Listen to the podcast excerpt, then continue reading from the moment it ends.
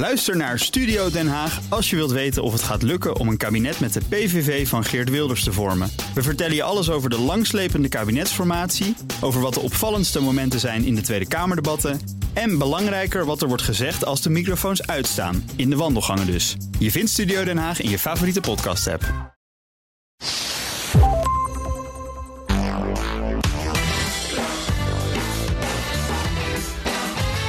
Welkom bij de Ben Tichelaar podcast bij BNR, de podcast over persoonlijk leiderschap. Met elke week tips en inzichten van zeer inspirerende gasten die je helpen om je verder te ontwikkelen in je werk en de rest van je leven. Mijn naam is Ben Tichelaar en mijn gast in deze aflevering is Mark Tichelaar. En grote verrassing, we zijn geen familie van elkaar. Tenminste, toch niet hè? Nee, nee, nee. echt niet. Nooit geweest ook hè? Nee, nou, het schijnt in de 15e eeuw een link te zijn, maar dat gaat heel ver. Gaat heel ver terug. Nou goed, dat, precies. Uh, Mark, welkom. Even in razend tempo een paar punten uit je cv. Je studeerde psychologie. Je bent expert in het optimaal benutten van het menselijk brein. Je bent ook oprichter en mede-eigenaar van het trainingsbureau Focus Academy. Dat trainingen geeft op gebied van onder meer aandacht en snel lezen. En daarnaast gaf je meerdere TEDx-talks, uh, moet je zeggen. En schreef je vijf boeken, vijf boeken over hoe je meer uit je brein kunt halen. Onder meer de recente bestseller Focus aan uit. Yes. Dat, Zo, is dat, dat, is de titel, hè? Focus aan uit. Ja, klopt. Ik had er laatst nog een discussie over. Maar er staat namelijk een, een, een schuine streep tussen. Ja. Er staat echt een, een aan-uit-knopje, een lichtknopje van hoe geef je gas op momenten dat je het wilt. En hoe zet je hem ook letterlijk weer uit, dat je kunt loskomen van je werk. Net zo belangrijk. Hartstikke mooi. Nou, daar gaan we zo uitgebreid over hebben. Maar ik heb altijd één eerste vraag die ik graag aan iedere gast wil voorleggen. En dat is: wat heb jij nou in je loopbaan geleerd waarvan je zegt dat heeft mij echt geholpen? Dat heeft echt mijn inzicht, uh, dingen in mijn leven echt veranderd een inzicht waarvan je denkt dat, uh, dat heeft mij uh, op het goede, op goede spoor, gebracht. Ja. dat is de opmerking of de theorie van Carl uh, Newport, deep work. En deep work is echt een diepe nadenkwerk en het belang daarvan. En daar ook echt letterlijk ruimte voor creëren. Dat was een boek een paar jaar geleden. Ja. heeft er ook artikelen over geschreven. Ja. Cal Newport heet hij. Is dat ook een psycholoog? Wat, wat is nee, de achtergrond nee, hij, heeft, hij, hij komt uit de informatica hoek. In ieder geval in die richting zit hij. Maar hij schrijft heel veel over psychologische thema, thema's, maar dan wel vanuit dat perspectief heel grappig. Interessant, ja. En dat deep work, waar draait dat om? Wat, en wat heeft dat jou gebracht? Ja, waar het om draait, de essentie van deep work is eigenlijk diepzee duiken. Een simpele vertaling. En als je echt de diepte induikt om meeste werk te kunnen leveren. En hij gaat in op het verschil tussen shallow work, kleine klusjes tussendoor en de diepe nadenktaken. En dat de beetje het balans is doorgeslagen naar die shallow work in onze huidige samenleving. Gaan van het ene oppervlakkige shallow klusje naar een andere exact. oppervlakkige klusje. En dan ben ja. daar zijn we heel vaak heel druk, maar lang niet altijd productief. Het zijn ook vaak de dingen die je doet als je eigenlijk belangrijke dingen moet doen om nog exact. even dat uit te kunnen stellen. Van de even je bureau opruimen, ja, en nog een paar e-mailtjes doen. Exact. En dat geeft vaak niet altijd heel veel voldoening. Dus het is, gaat geen veel meer voldoening om juist de diepte in te duiken. Maar ja. hoe doe je dat? En dat was voor mij van, hé, hey, dat was zo'n epiphany, zo'n inzicht, zo'n ja. nieuwe uh, nieuwe wereld van hé, hey, er, is een, er is een andere manier van werken en dat is veel meer, geeft veel meer voldoening. En dat is veel rustiger. En dat was ook voor mij een beetje het startschot om echt mede in te verdiepen in het focusverhaal van hoe doe je dat dan? Oké, okay, interessant. Ja, dus en hoe lang geleden is dat dat je dat, uh, uh, dat spoor werd gezet? Ik weet niet hoe lang het boek geleden is geschreven. Drie, vier, vijf jaar misschien zelfs. Ja, Oké, okay, dus dat is ja. eigenlijk best ja. recent als ik even naar jouw loopbaan kijk. Ja, ja, klopt, klopt. Wat heeft het voor jezelf gebracht? Wat heb jij veranderd naar aanleiding? Rust veel meer rust. Ik was, okay. ik was ook uh, heel erg druk inderdaad. Nou, precies dat vond ik ook wel lekker. Uh, Tony Krabby schrijft daar een heel mooi... Uh, ja, het is een soort bijna een identiteit geworden van... oh, ik ben lekker druk. Ja. Maar lekker druk is een ander woord voor stressvol zijn. Eigenlijk gestrest ja. zijn. Ja. En ik merkte dat ik aan wel druk was... maar lang niet altijd heel veel uit mijn handen kreeg. En dat frustreerde me. En ja, ik, ik vind het nu veel fijner. Dat vind ik ook heel leuk om het over te hebben. Focus is, het klinkt een beetje fout, het is bijna een lifestyle. Het is veel, ja, ja. Het is veel relaxter. Het is veel rustiger. Het gaat veel verder dan alleen werk. Um, en het is een hele mooie, ik vind het een mooie manier om mijn leven zo in te richten. En dat, dat vind ik heel mooi. Grappig, ja. Je hebt zelfs ook de ja. naam van je bedrijf ja. veranderd. Uh, vrij ja. recent nog maar. Hè?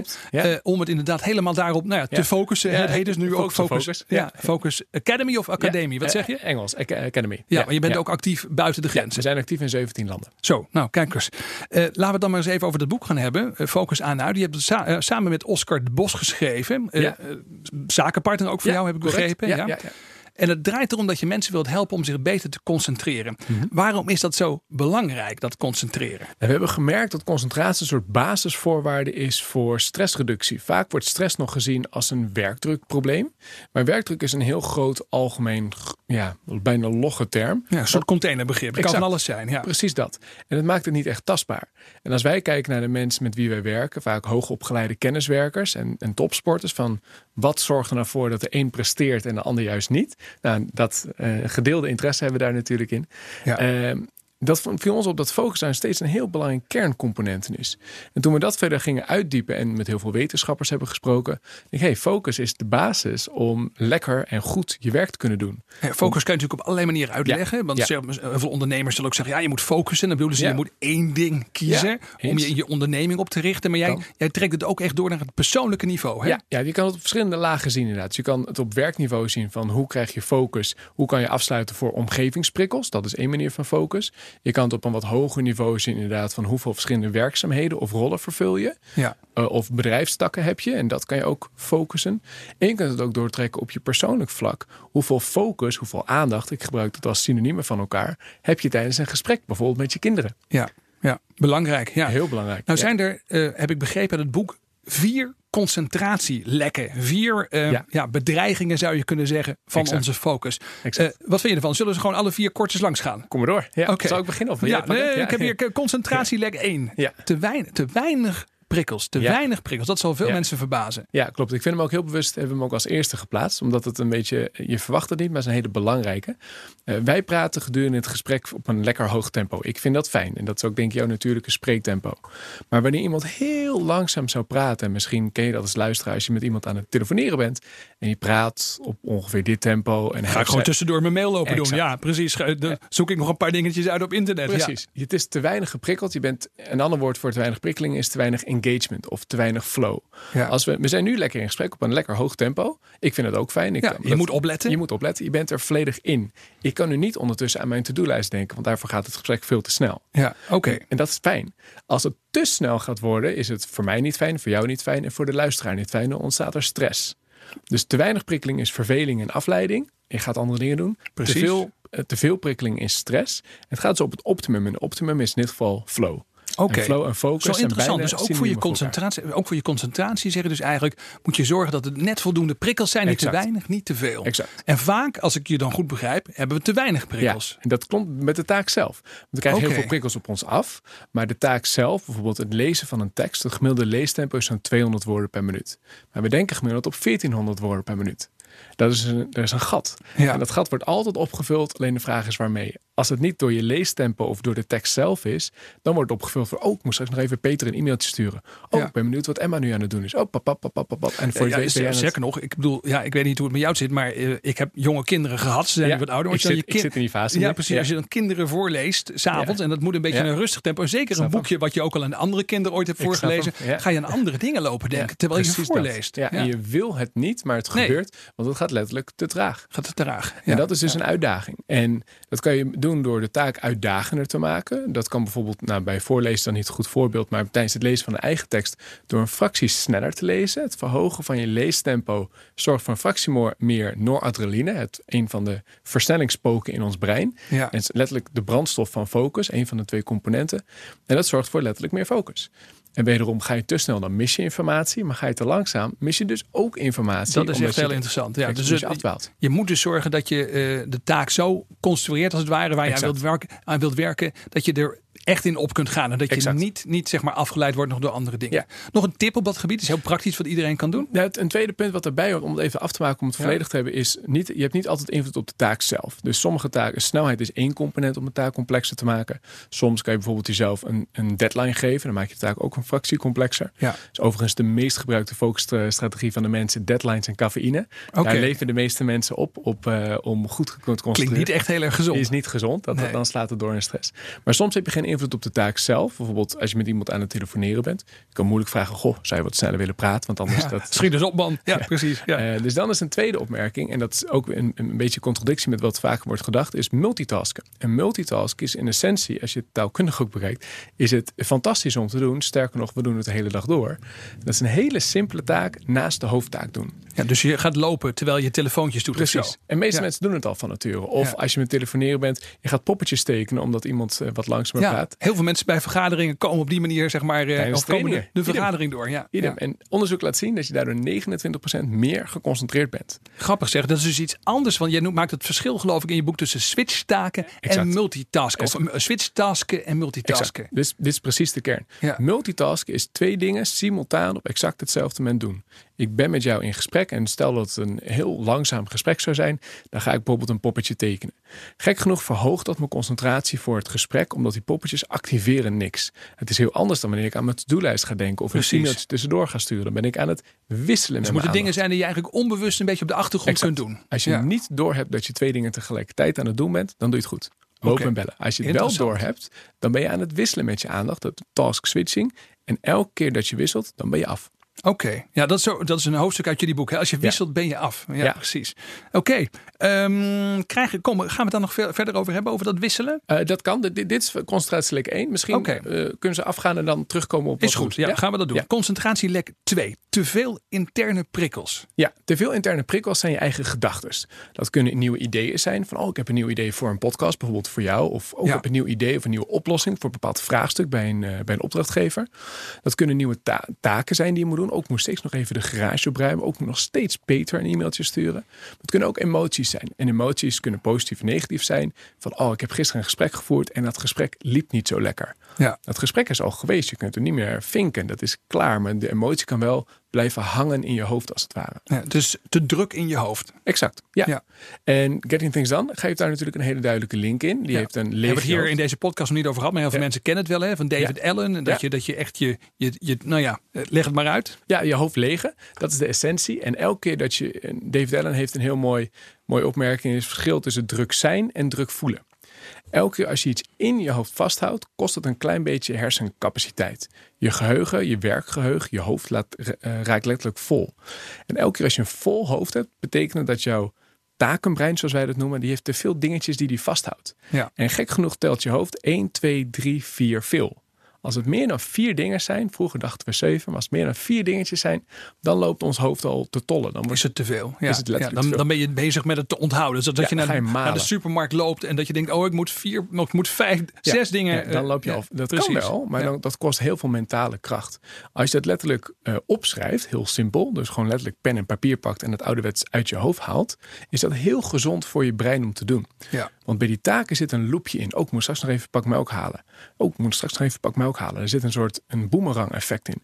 Kennis, feiten, eh, feitenkennis, daar zit geen restrictie aan. Dat maakt niet uit. Maar zo'n taak, dat kost heel veel stress. Ja. En de essentie van dit concentratieles lek is te veel interne prikkels. Als je een te vol hoofd hebt, is continu je hoofd leeg op al die drie vakjes die ik net noemde. Ja, dus Ideeën, moet- taken, emoties. Oké, ideeën, taken, emoties. Ja. En dat vind ik dan heel interessant. Van die ideeën, die taken, dat snap ik. Daar heb je to-do-lijsten voor, een Ja, systeem, maar emoties. Emoties, nou, nou, ja. nou kom ik terug van vakantie. Hè. Dat is eh, eh, even uit, uit, eh, uit mijn eigen biografie, zal ik maar zeggen. Ik kom terug van vakantie. En er zijn allerlei dingen zijn er gebeurd in die tijd. En er moet een schilder worden gebeld. En, en daar word ik ook een beetje emotioneel van. Dan denk ik, oh mijn goedheid, houd het dan nooit op. Weet Nee. je? Ja. En die emotie, hoe, hoe, hoe manage je die dan weg? Ja, het zijn, eh, een deel van de emotie komt letterlijk doordat een, dat is de aanname, doordat het in je hoofd zit. Van, oh, ik moet dit doen, ik moet dat doen. Dan krijg je 1, 2, 3, 4 veel. Het zijn ongetwijfeld meer Ja. dan vier dingen die je Oh, het is veel te veel. Ja, Ja, precies. dat, dat dat een deel van die stress ga je gelijk ondervangen door het letterlijk continu uit je hoofd te halen. Oké, Ik ben ook een heel groot voorstander van een afsluitritueel aan het einde van je werkdag. precies. En vijf minuten van tevoren maak een, la- een mindsweep, wordt het ook wel genoemd. Dump al die taken die je nog hebt in je hoofd. Schrijf ze letterlijk even op een blaadje en laat ze op je bureaublad liggen. Ja, hoe heet dat? Hoe zeg je dat? Een mindsweep of een breindump. mindsweep. Oh ja, of een breindump. je beide ja. Je veegt even alles weg uit je brein Exact. en laat het liggen tot morgen. Exact. En elke keer als je later alsnog dan gedurende de avond eh, een idee te binnen schiet. Oh, ik moest ook nog even dat doen. Dat je dan, ik heb gebruik daar een app voor. Ik spreek het in op mijn app en het komt automatisch in mijn inbox de volgende ochtend Oh ja. binnen. Hoe heet die app? Wil iedereen weten nu? Brain toss. Brain, Brain hersen toss. en tos T-O-S-S, aan elkaar vast. Want anders kom je op een zombie-app en dat is het niet. Het is, het is een gele app. B-R-A-I-N-T-O-S-S. Ja, correct. Ja. Oké. dus dat is bij taken en ideeën. Bij emoties werkt dat iets anders, omdat er geen vinkje te zetten is. Het, het blijft maar loopen. Wat daar heel goed werkt, we hebben onderzoek naar gedaan op de VU, is het piekenkwartiertje. Dat is een hele simpele, effectieve methode. En heeft veel parallellen, maar net ietsjes anders. Je schrijft eerst de emoties, de, ja, de angsten, de twijfels, de irritaties op. Vaak zit het op dat vlak. Uh, vaak kleine dingetjes, maar die kunnen wel ophopen en daardoor van een mug een olifant maken. Dat mhm. komt hier heel erg vandaan. Door dat loepen wordt het groter. Als hij drie keer terugkomt, dan lijkt het drie keer zo groot. Uh, maar, ja, het doel van het piekkwartier is om die loepjes uh, uit te schakelen of te verminderen door ze letterlijk op te schrijven. Nou, ik vond dit gesprek echt niet fijn. oh, ik weet niet zeker of we dit project wel gaan halen. Oh, ik moet ook nog allemaal dat doen. Ik heb best een hele volle takenlijst. Ik noem maar even. Ja. En dan per onderdeel geef je aan. Vaak zijn het net iets meer dan vier items. vijf of zes vaak. Maar dat is dan al voldoende voor dat, voor dat stress En een tweede stap is dat je per item aangeeft: wat kan ik hieraan veranderen? En wat moet ik accepteren? Je enige twee keuzes in dit geval. Ja. Überhaupt. En dan de derde Heel stap interessant. Is, ja. En de derde stap is: wat kan ik nu doen om mezelf uit de stemming te halen? Een goed kop koffie, een lekker muziekje, een ommetje lopen. Het is op dat niveau. Echt een kwartiertje om gewoon even je, als het ware, je emoties weer uh, op het goede spoor te zetten. Het mag vijf minuten duren. Als ik het zelf ook doe, is het vijf minuten of soms tien minuten. Als het, ja, maar jij bent geoefend. Hè? Ik ben, een beginner, dus ik moet, er, ik moet er nog mee beginnen. Ja. En als je een hele stressvolle periode zit, eh, bijvoorbeeld in een verhuizing, om iets te noemen, dan doe je vaak meerdere. Je doet zo vaak als je, het is een reactieve handeling. Dus elke mhm. keer als je zo'n stressgevoel merkt, dat is het moment om, hé, hey, dan zit je hoofd te vol. Ja. Dus het verschil tussen druk zijn en druk voelen. Het helpt ook wel om er een beetje mechanisch naar te kijken. Dat is natuurlijk het leuke. Hè? Als je zeg maar eh, vanuit je achtergrond, maar ook in de research die je aanhaalt, dan ga je het eigenlijk als je brein toch een beetje een soort machine zien. En je denkt, hé, hey, wacht eens die machine moet gewoon een beetje olie bij. Of er moet gewoon een beetje. Uh, en wat ik, wat ik de lol vind, ik mocht tijd geleden de training geven in Zuid-Korea. Daar waren exact dezelfde uitdagingen als hier in Nederland. Daar zit geen verschil. Er zit geen cultuurverschil op het brein. Ja. Er zijn wel cultuurverschillen, maar op dit vlak niet. Ook daar is het piekkwartiertje, om even iets te noemen, heel effectief. Daar zit geen cultuurverschil Grappig. in. Dat, nou, dat zijn biologische fenomenen die dus eigenlijk mensen in allerlei culturen met elkaar delen. Ja. en dat vind ik heel leuk. Ja. Interessant. Uh, Concentratielek nummer drie. Te weinig brandstof. Te weinig brandstof. Uh, ons hoofd heeft uh, brandstof nodig. Even hele suffe metafoor vergelijken met een auto. Maar ik hou van simpele suffe metaforen. Die blijven lekker hangen. Die blijven goed hangen, die blijven goed hangen. En op een gegeven moment is de benzine, uh, de diesel is gewoon op. Je moet hem letterlijk weer opladen of bijvullen. en in dit geval is de brandstof noradrenaline en acetylcholine. Nou, dat zijn twee stofjes, twee neurotransmitters. Die mogen weer vergeten worden. Maar die brandstof, die, die neurotransmitters raken op.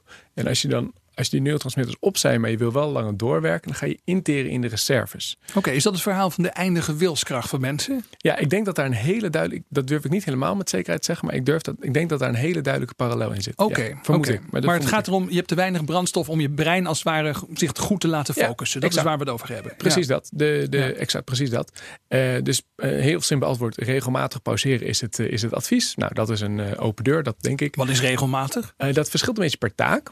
Uh, dat als bij simpele taken is het om de 25 minuten. Dus de Pomodoro-methode, die sommigen wel uh, zullen van kennen. De, van de, de tomatenkookwekker, ja, precies. Ja, 25 minuutjes en dan even pauze. Dat werkt alleen bij hele simpele taken. Als het een wat meer complexe taak is, bijvoorbeeld een column schrijven of een adviesrapport schrijven of een complex gesprek voorbereiden, dan is het vaak lekker om net iets langer te werken dan of 50 minuten en 10 minuten pauze of 90 minuten een kwartiertje pauze. Dus de verhouding is toch een beetje hetzelfde.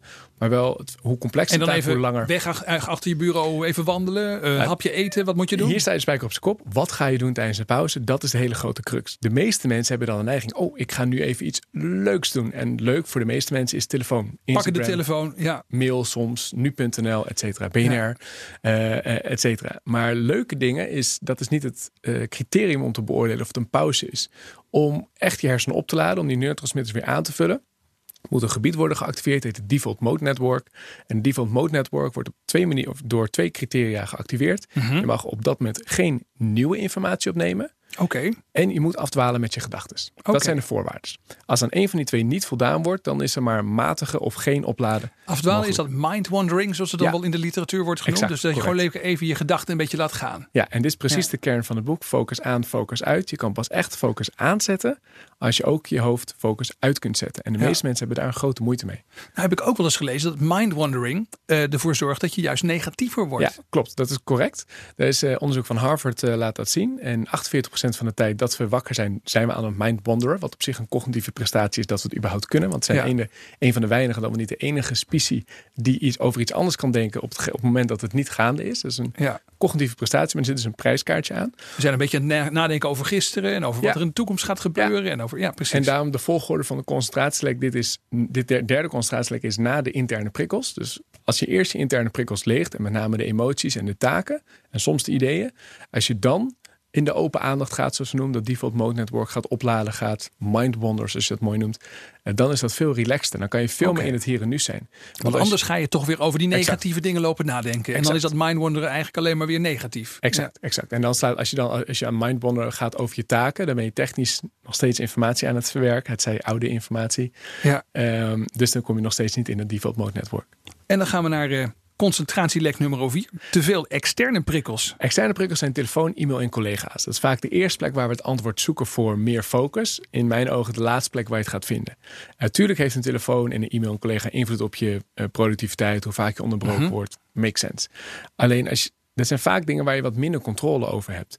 Het gaat veel meer over hoe je de eerste drie concentratielekken goed kunt dichten. Je eigen hoofd in essentie. Als je daar grip op hebt, dan ben je veel weerbaarder tegen als iemand je onderbreekt. Dan kan je veel makkelijker schakelen. Kan je veel sneller schakelen. En met name ook weer sneller terugschakelen in hetgeen waar je mee bezig was. Ja, ja. En als je bijvoorbeeld met de derde concentratie je benzine goed op orde hebt, dan ben je letterlijk weerbaarder. Dan ben je, kan je meer aan. En dan kan je prima, prima ook misschien in een kantoortuin werken. Want dat veel discussie over de laatste tijd. is een discussie over. Was, uh, ik heb daar een mening over. Ja, jij zegt het is een drama. Het is het duurste kantoor wat er is. Oké, ja. En het is niet alleen, het is, een, het is een drama voor focus en voor concentratie, maar daarmee ook voor productiviteit, maar daarmee ook voor ziekteuitval. En als je kijkt naar alle kosten over 30 jaar van wat een, wat een kantoor kost, dat is ongeveer 2, 3 is de, is de huisvesting zelf. 6% is de meubilair in, de, in het kantoor. En het overige percentage zijn je personeelskosten. Ja, en dan wordt je bespaard op die, lage, op die kleine percentages. Dan hopen we daar iets mee te bereiken. Maar ten koste van wat hoger percentage van personeelskwaliteit. Er is ook, niet veel meer, is ook niet meer uh, communicatie. Ja, wel meer digitale communicatie. In de open office wordt veel meer gemaild. Om de hele simpele reden, er is geen privacy. Dus als ik dan even iets tegen je aan wil houden. Ik, één, ik wil de anderen niet storen. En twee, nou, misschien ook een beetje gevoelig. Weet je wat, ik stuur wel even een e-mailtje. Ja, ja. 30% meer digitale communicatie in de open office versus een uh, ouderwets kantoor. Mits je, ja, je kunt natuurlijk wel deels oplossen, maar dan moet je zorgen dat je stilte ruimtes hebt en hokjes en zo waar mensen even naartoe kunnen lopen. En dit is de kern en dat wordt heel vaak over het hoofd gezien. Vaak zijn er maar één, twee werkplekken, privéwerkplekken, stiltewerkplekken ten opzichte van, nou, ik weet niet hoeveel uh, open office uh, werkplekken. En in mijn ogen zou het bijna andersom moeten zijn. Open office kan prima werken. Ik ben ook geen voorstander van om weer aan in cubicles terug te gaan of een ouderwets kantoor. Dat, daar geloof ik mhm. ook niet in. Maar ik geloof wel dat het belangrijk is dat de, de behoeftes van het brein worden meegenomen in de bouw van een open office. En de inrichting daarvan kan je met een inrichting kan je heel veel doen. Ja. Je hebt prachtig geluidsabsorberende materialen, waardoor je, je bijna niks hoort van wat er gesproken wordt, om er iets te noemen. We hebben bij een aantal organisaties hebben we stilteblokken uh, geïntroduceerd. Tussen 10 en 11 op de dinsdag. Zijn we gewoon stil, doen we ons werk. Ja, ja. Hoe simpel kan het zijn? Ja. Mooie, mooie tips allemaal. De vier concentratielekken die uit het boek Focus aan uitkomen, hebben we behandeld met elkaar. Ehm, een vraag die ik toch wel vaak aan mensen stel en die ik ook in jouw geval toch wel heel interessant vind. Nou zijn er op dit gebied, jouw, jouw vakgebied, eh, hoe mensen hun aandacht uh, besteden, hoe je geconcentreerd productief kunt zijn, uh, zijn ook ontzettend veel mythes. Heel veel, heel veel ja, bakenpraatjes die er in omloop zijn. Wat is nou de, de, de, de grootste mythe wat jou betreft? Wat moet nou echt bestreden worden? Wat is nou echt niet waar? Nou, wat echt niet waar is dat focussen hard werken is. In mijn ogen is het tegenovergestelde van, oh, focus is heel intens. Nee, dan, dan gaat er iets niet goed. Uh, focus is juist ontspannen je werk kunnen doen. Wederom duidelijke link met flow en, en, en concentratie. Een andere mythe wat ook heel erg meespeelt is dat om goed geconcentreerd te kunnen zijn, moet je deadlines en cafeïne gebruiken. Wederom de meest gebruikte strategie voor de meesten om echt goed te kunnen focussen. Uh, daar zit, waar we het net in het begin over hadden, zit een enorm prijskaartje aan en het verhoogde cortisol wat het oplevert. En door de cafeïne, wat best wel tot nou, 12 tot 14 uur in je lichaam kan blijven gieren, veel moeilijker maakt om weer los te komen s'avonds als je thuis bent en wilt ontspannen. Uh, dus er zijn, dat zijn allemaal mijn ogen mythes en nadelen. Die, het, hoeft niet. Het hoeft niet. Het kan veel relaxter en makkelijker. Het kan op een eenvoudiger manier, eh, volgens de tips die wij net hebben besproken. Nou, de laatste vraag die ik voor mijn gast heb, die is altijd een verrassing. Ehm, ook voor mij. Vertelde je. Ja, 15 genummerde verrassende vragen Ja. in genummerde enveloppen. Eh, en die vragen die wisselen ook nog eens een keer regelmatig. Ja. Dus ik weet nog niet wat er gaat komen. Eh, ik wil je vragen om een nummer te noemen. te- van Ja. 1 tot en met 15. Tussen, het- van, ja, van 1 tot en met 15. één nummer. Ja. En dan eh, gaan we kijken wat voor vraag erin zit. In dit geval de toepasselijke vier. De 4. Nou, gaan we eens even kijken wat er in envelop nummer 4 zit. Ja, dat is leuk. Wie of wat maakt jou echt heel boos? Oeh. Ja, je bent een hele vriendelijke jongen. Ja, ja, ja. Maar Nou, waar nou. word jij nou echt heel boos Nou. van? Eh, ehm, ja, waar ik heel slecht tegen kan als iets totaal onderbouwd wordt gezegd. Ik, ik, eh, de, er zijn een aantal politica en politica meer in, in, de, in de politiek, struik over mijn woorden. Ja. En die, eh, ehm, van ik denk, ja jongens, dit is totaal ongefundeerd. Ja. En dit is voor, voor persoonlijk gewin wordt dit nu eh, gedeeld. Dus mensen zeggen dingen en Ja, dat is op geen enkele manier onderbouwd. Maar dat is alleen maar om de mensen in beweging te brengen. Ja, en ik zie het ook bij een aantal eh, eh, nou, collega-trainers van ons die dan dingen roepen. En denk, ja, waar haal je het vandaan? En dat irriteert jou. Dat irriteert me. Wij, Ja. ik, wat ik mooi aan jou vind, jij houdt dingen uit de wetenschap. Je bent volledig wetenschappelijk gefundeerd. Vind ik heel sterk. En dat vind ik ook mooi. Ja, maar dat, Ja. dat vind ik, dat vind ik maar mooi. het gaat nu niet over mijn Nee, werk. nee, het, gaat het gaat over jouw nee, werk. Dat- ja, maar, precies. maar dat vind ik mooi. En dat, dat zie ik bij een aantal andere trainers ook. Dat vind ik mooi. Eh, je doet iets vanuit een passie, maar je doet iets vanuit een, een wetenschappelijke basis. Je weet Ja. waar je het over hebt. Nou ja, dat is ook niet zo heel erg raar. Want je praat over dingen waarvan je zelf ook zegt, dat geloof ik ook, dat die heel belangrijk zijn in het dagelijkse werk van mensen. Ja. En als je dan op een gegeven moment mensen adviezen gaat geven die maar gewoon een beetje bedacht uit zijn. de duim gezogen zijn. Denk ik, ja, dat is eigenlijk gewoon, eh, ja, dat, als je huisarts zou zeggen, nou ik had vanmorgen een goed idee onder de douche, probeer dit eens. Ja, nou, maar ik- precies dat. En nou, succes jongens. Eh, tot volgende week. Ja. Dat, dat trek ik niet goed. Nee. Oké, helder, helder. Goed, nou leuk, leuk verrassend antwoord. Hey, eh, tot slot jouw mediatip. Eh, als we nou iets meer willen weten over de onderwerpen die we bespraken, dus over aandacht, focus. eh, ja. Ja. welke film moeten we kijken? Welk boek moeten we lezen? Welke podcast moeten we luisteren? Welke TED Talk moeten we tot ons nemen? Eh, Je hebt zelf ook een aantal TED Talks gedaan. Ja, zeker. Ja. Dat is een optie. Wat ik een hele leuke podcast vind is Hidden Brain. Hidden Brain is eh, heel vermakelijk, heel, heel leuk, maar er is altijd weer een hele. Ken je hem toevallig? Nee, ik ken hem Ja, niet. oh, Hidden leuk. Brain, dus Hidden verbor- Brain. verborgen brein. Ja, Oké. Verborgen Brein. Ja, Eh, Engelstalig podcast. Eh, maar heel leuk. Altijd een heel, ja, gewoon wederom weer goed onderbouwd verhaal. Dus het komt niet zomaar ergens samen goed onderbouwd verhaal, maar wel op een heel leuke, praktische manier gebracht. Dat vind ik een hele leuke, informatieve podcast. Tegelijkertijd, misschien ter afsluiting, een podcast luisteren telt niet als pauze. Tel niet als Is pauze. nog steeds werk, hoe leuk hem ook mag zijn. Goed, dan weten we dat. Dankjewel. Heel erg bedankt Mark Tigelaar voor het delen van je inzichten en kennis met ons. Dit was de Ben Tigelaar podcast bij BNR met als gast Mark Tigelaar. Nogmaals, geen familie. Vond je dit interessant? Check dan ook mijn andere podcasts op www.bnr.nl slash. Ook Hugo Reitsma vind je in de BNR-app. Superhandig die BNR-app. Je kunt alle programma's live luisteren, breaking nieuwsmeldingen. Je blijft op de hoogte van het laatste zakelijke nieuws. En je vindt er alle BNR-podcasts, waaronder natuurlijk de belangrijkste, Boeken zijn in de wijk. Download nu de gratis BNR-app en blijf scherp.